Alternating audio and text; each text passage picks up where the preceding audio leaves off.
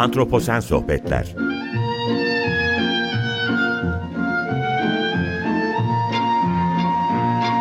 Hazırlayan ve sunan Utku Perktaş Merhaba, iyi akşamlar herkese. Antroposen Sohbetlere hoş geldiniz. Geçtiğimiz hafta başladığımız tartışmaya devam ediyoruz. Kitapları neden seviyoruz? Hala kitaplar neden var? Ee, konuklarımı hatırlatmak istiyorum. Hacettepe Üniversitesi İletişim Fakültesi öğretim üyesi Profesör Doktor Suavi Aydın, gazeteci arkadaşım Selin Uğurtaş, TRT eski prodüktörlerinden Muzaffer Evci, e, Tuğrul Özkaracalar Kadir Üniversitesi öğretim görevlisi ve Atıl Günkut bizlerle beraber. Evet, geçtiğimiz hafta ilk soruyu sormuştum ve kitaplar neden hayatımızda bunu yanıtlamıştık. Şimdi bu noktada biraz tutku üzerinden yola çıkarak e, programın devamını yapacağız ve bitireceğiz. Kitaplar zamana meydan okuyan nesneler gibi.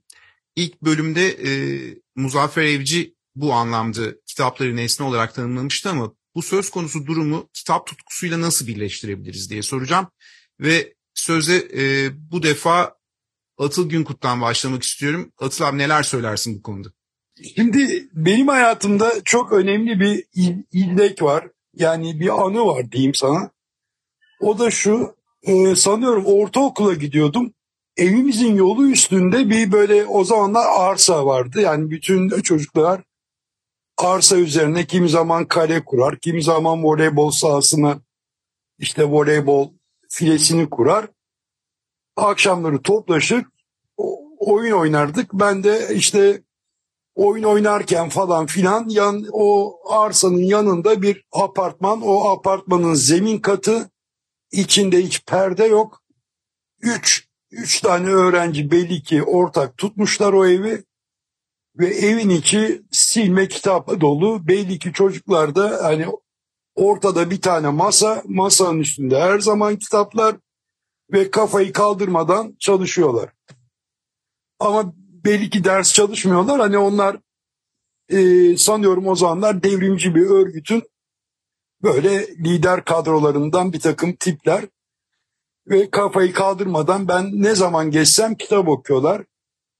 Ben de o sarı ışık malum perdesize yani gözetlenmeye çok müsait hayran hayran seyrederdim.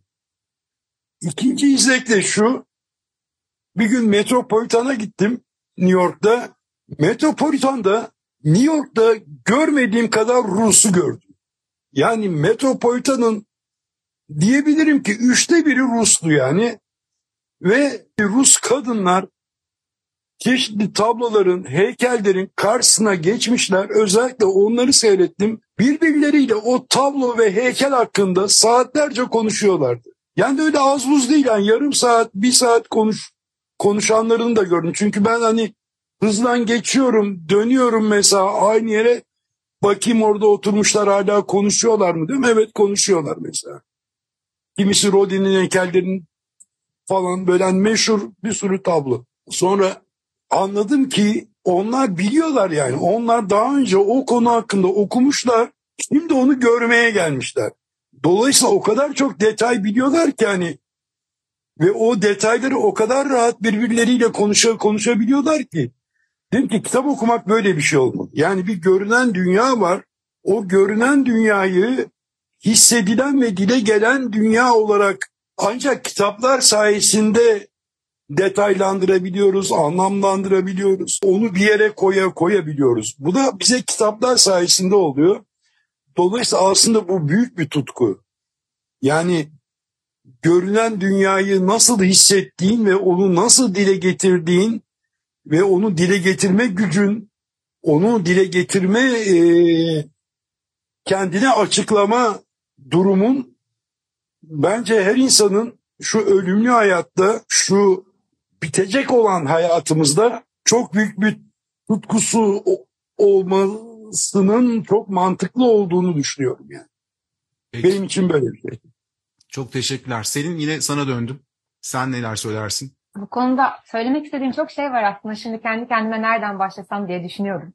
Sorular çok Ee, açık esasında. Evet ucu açık olunca insan bir sürü şey doldurmak istiyor. Hangi sırayla anlatsam diye bir tedirginlik yaşıyorum. Şöyle aslında ben e, Atıl abi diyeceğim müsaadenizle. E, Atıl abinin bıraktığı yerden devam etmek istiyorum. Bu çok büyük bir tutku ve bazı şeyleri ancak kitaplar aracılığıyla anlayabiliyoruz dedi. Ben aslında buna gerçekten çok katılıyorum. Soruların üzerine düşünürken de bu noktaya gelmiştim. Yani bir konuyu derinlemesine anlamak için kitaptan başka dönebileceğimiz bir şey yok gibi hissediyorum. Yani yeni jenerasyonun bilgi edinme yöntemleriyle ilgili çok sık böyle şey yeni bilgiler yayınlanıyor. Mesela geçenlerde şeyi öğrenmiştim.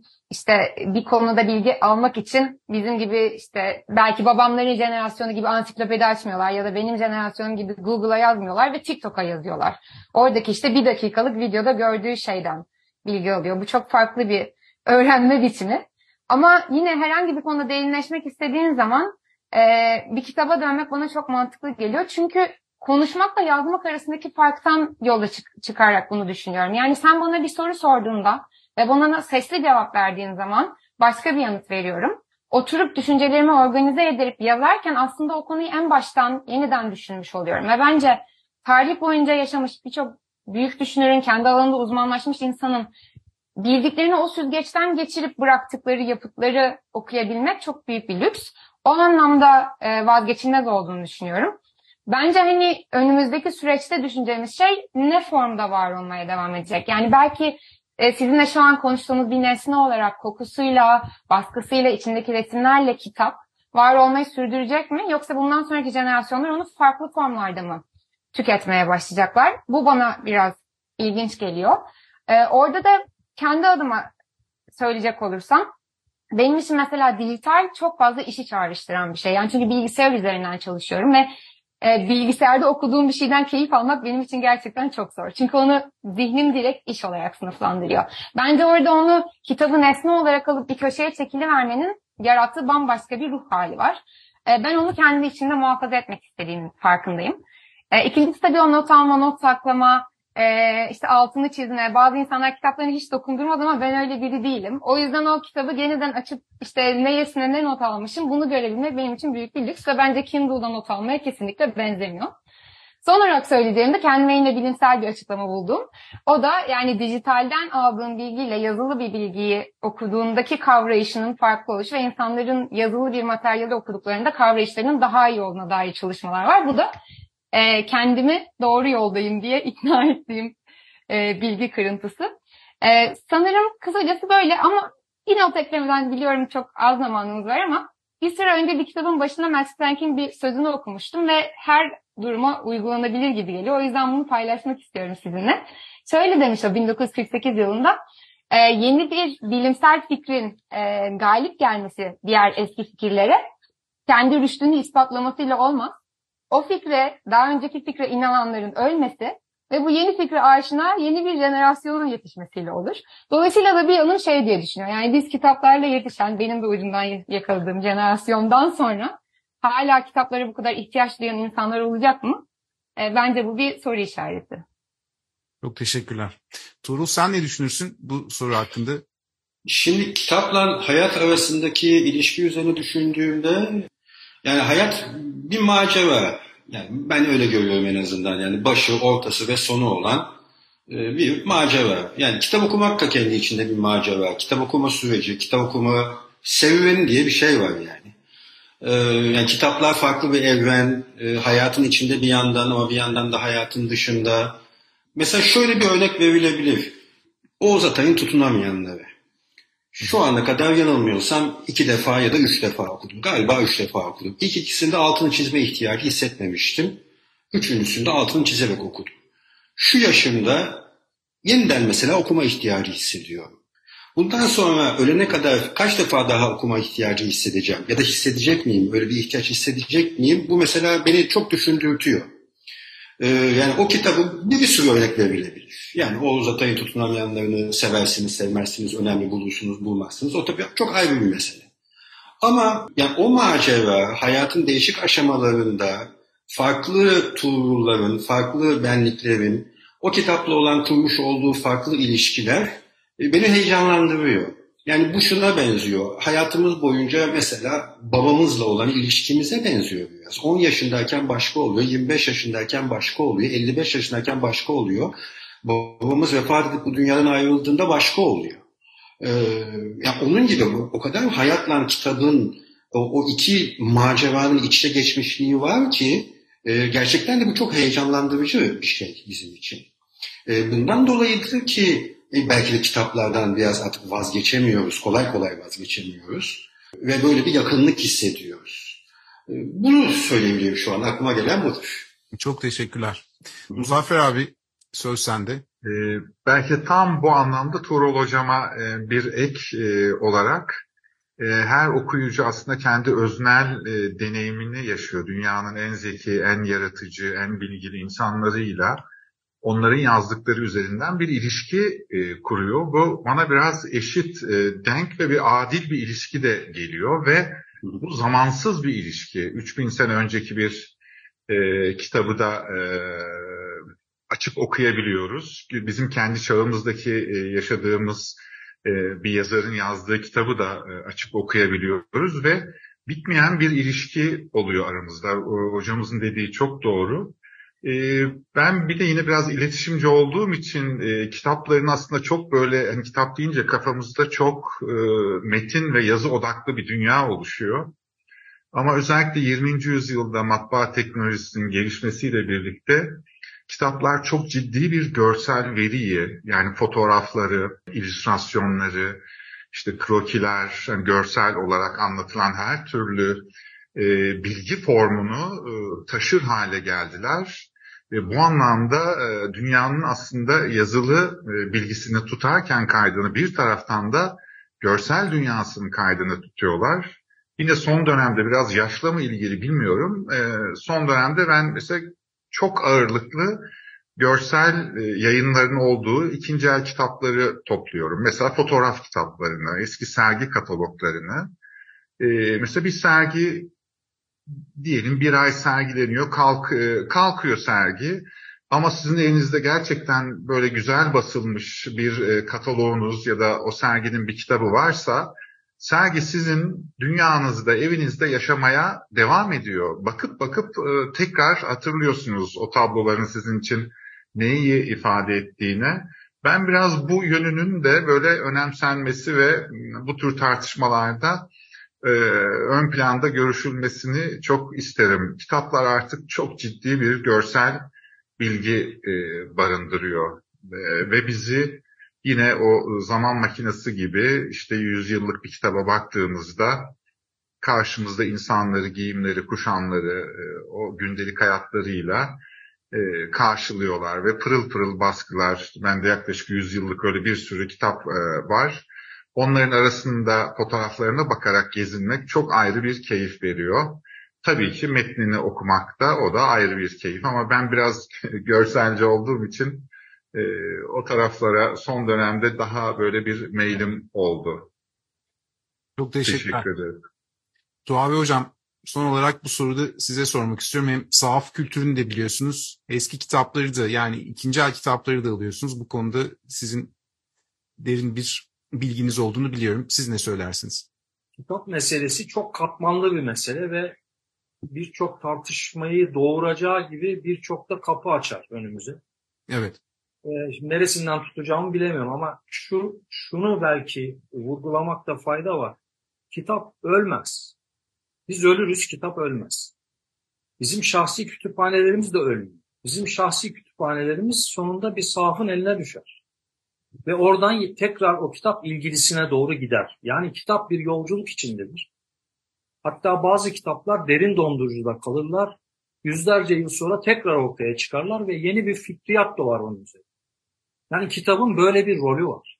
Bunun yerini dijital yayın şu bu hiçbir şey dolduramaz. İşin bir yanı bu. Dolayısıyla Selin'in söylediği şeye biraz değinmek isterim. Yani gelecek kuşakların kitap, yani bu nesneyle nasıl ilişki kuracağı biraz da kendi yüksek kültürlerinin ne hale geleceğiyle ilgili. Yani bu yüksek kültürün ölümü anlamındadır. Yüksek kültür insanlığın fikriyat dünyasını inşa eder o inşanın yok olması demek ki bunun en büyük aracı kitap. bir tarafıyla tartışmayı öldürür, sıradanlaştırır, popülere teslim olmayı sağlar ve insanları depolitize eder. Buradan bir sürü yan soru çıkar, yan cevap üretilebilir, tartışma çıkar vesaire. İşin bir yanı da e, fiziki kitap, mesela benim kütüphaneme gelen benim ne çalıştığımı, dünyamı e, veya ne tür fikirlerle ilgili olduğumu kestirebilir. Yani benim öznelliğim benim kütüphanem üzerinden teşhis edilebilir. Öte yandan bu e, şey herhangi bir kütüphaneye girip bir kitap aradığınızda o rafta ilginizi bir sürü başka kitap çeker. Hiç daha önce görmediğiniz, bilmediğiniz. Oradan başka başka kapılar açılır. Aynı şey şahsi kütüphaneler için de geçerli. Unuttuğunuz bir kitabı bulursunuz, başka bir şeye dalarsınız. Yani e, bu kadar imkanlı bir dünyadan bahsediyoruz. Ve insan imkanlarının, insan e, insanın yaratma olanaklarının bu kadar cisimleştiği başka bir nesne yok. Karşımızda böyle bir şey duruyor. Bir de işin bir başka yönü var. Kitap almak için kitapçıya gidiyorsunuz. Kitap evleri azaldı maalesef. Fakat kitap evi aynı zamanda bir sosyal buluşma yeridir. Yani hatta sahaflar bunun daha da ötesi.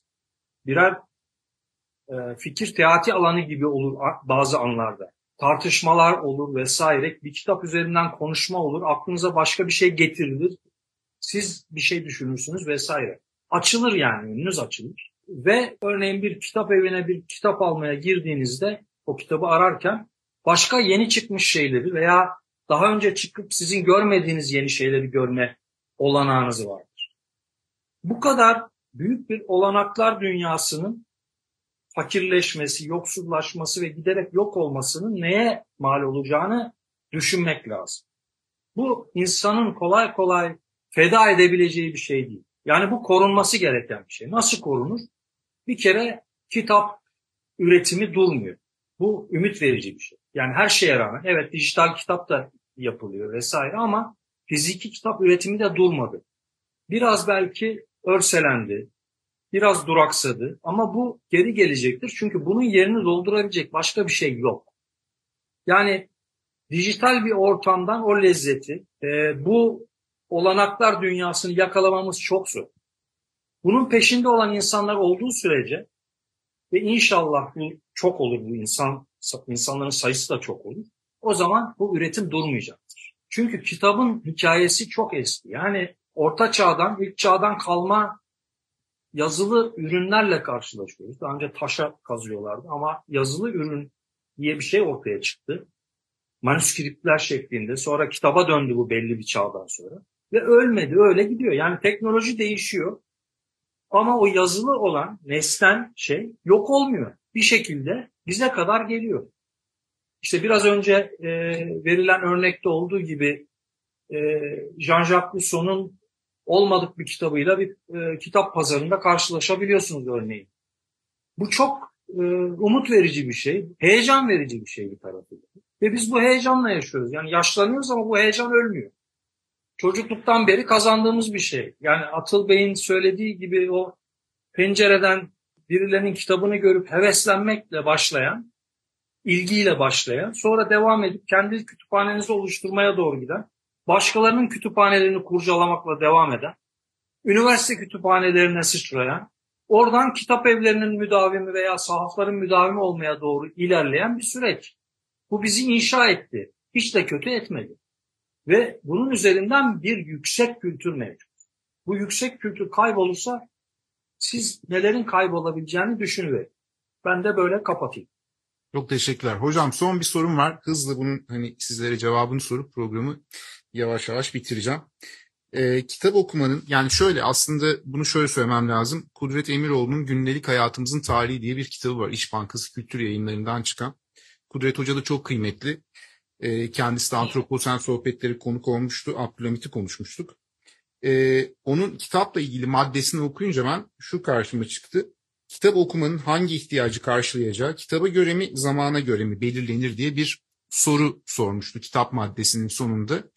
Bu soruya ne düşünüyorsunuz? Hızla sizden cevaplarınızı alıp sonra da yavaş yavaş programı kapatacağım. Bir son söz söyleyerek. Ee, bu soruya Selin'le başlasam. Ne dersin Selin? Ya bu soru bence ikisinin bir karışımı diyebilirim.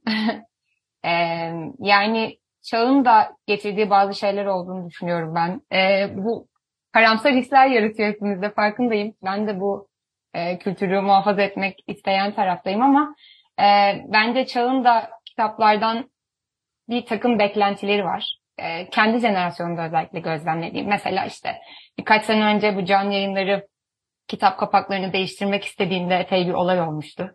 Ondan sonra ortaya çıktık işte gerçekten kitap kapakları değişince satışlarda çok ciddi bir artış olmuş.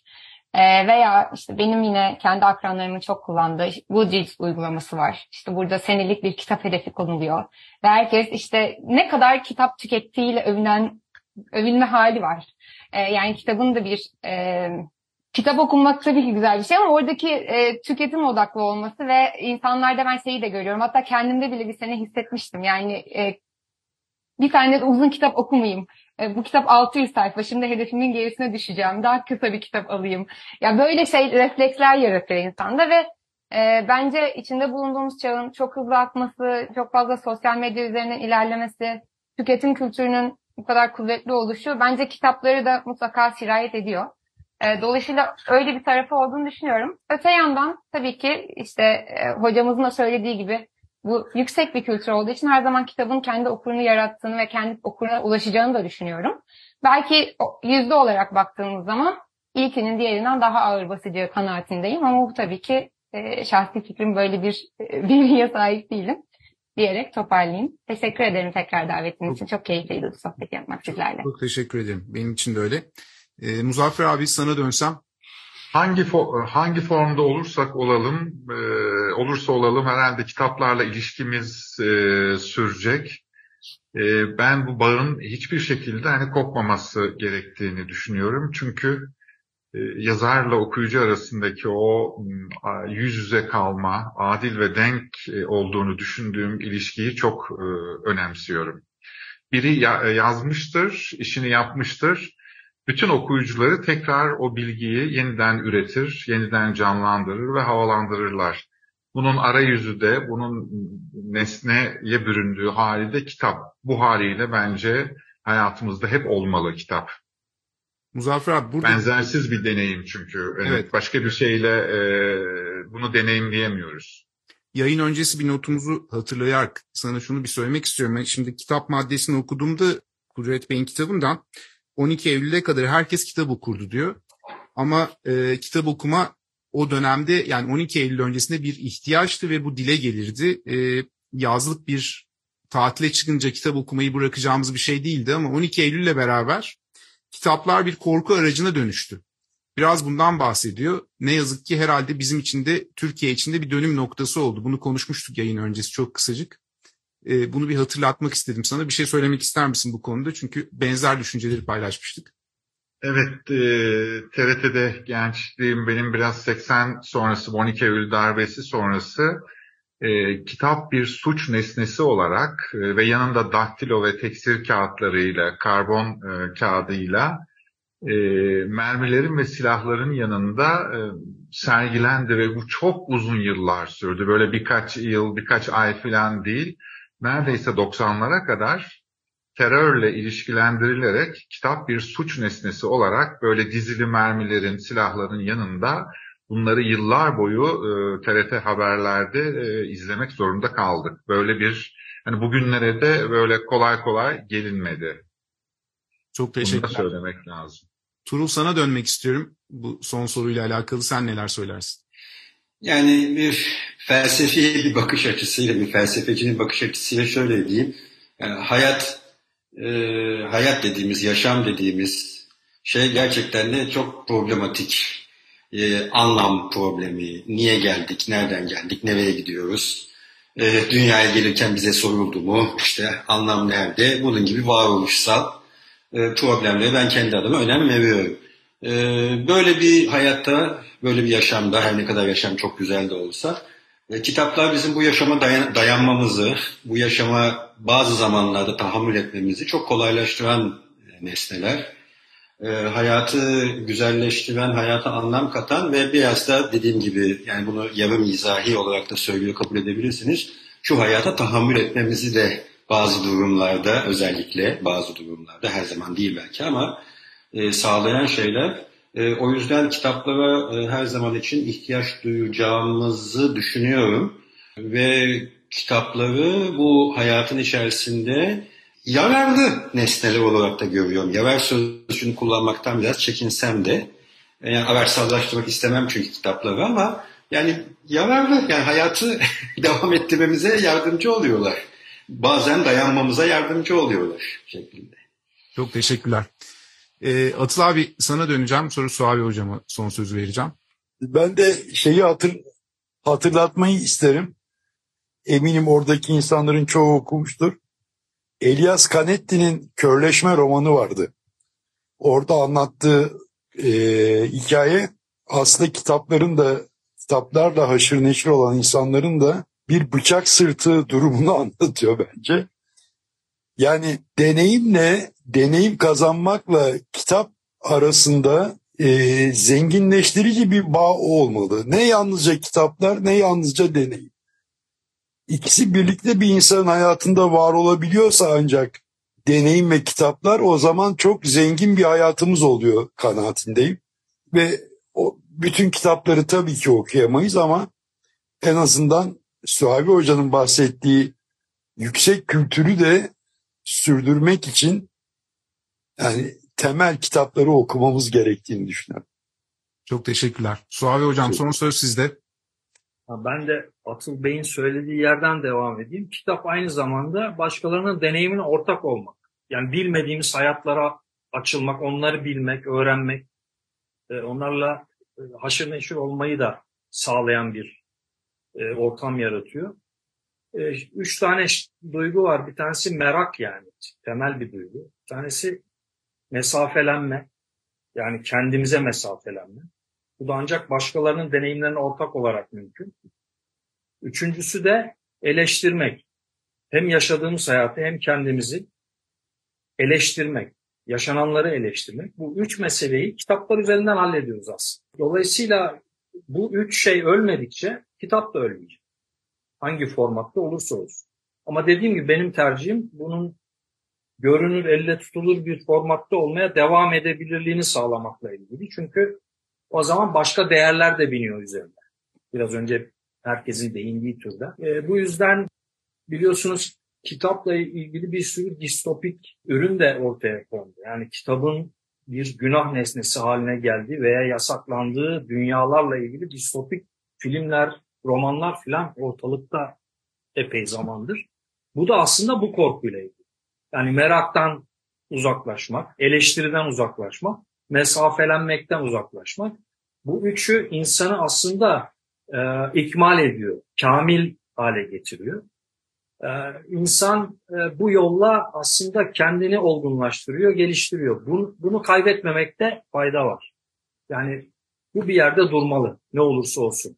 Hayatın bütün hızlı akışına, efendime söyleyeyim e, baskılarına, bizim üzerimizde yarattığı, üzerimize yarattığı baskılara vesaireye karşı direnmenin yolu. Bir direnme aracı işte. Ben de böyle kapadım. Çok teşekkürler. Ben hepinize ayrı ayrı çok teşekkür ediyorum ve ben de şöyle bir not almışım. Bunu söyleyerek programı kapatacağım.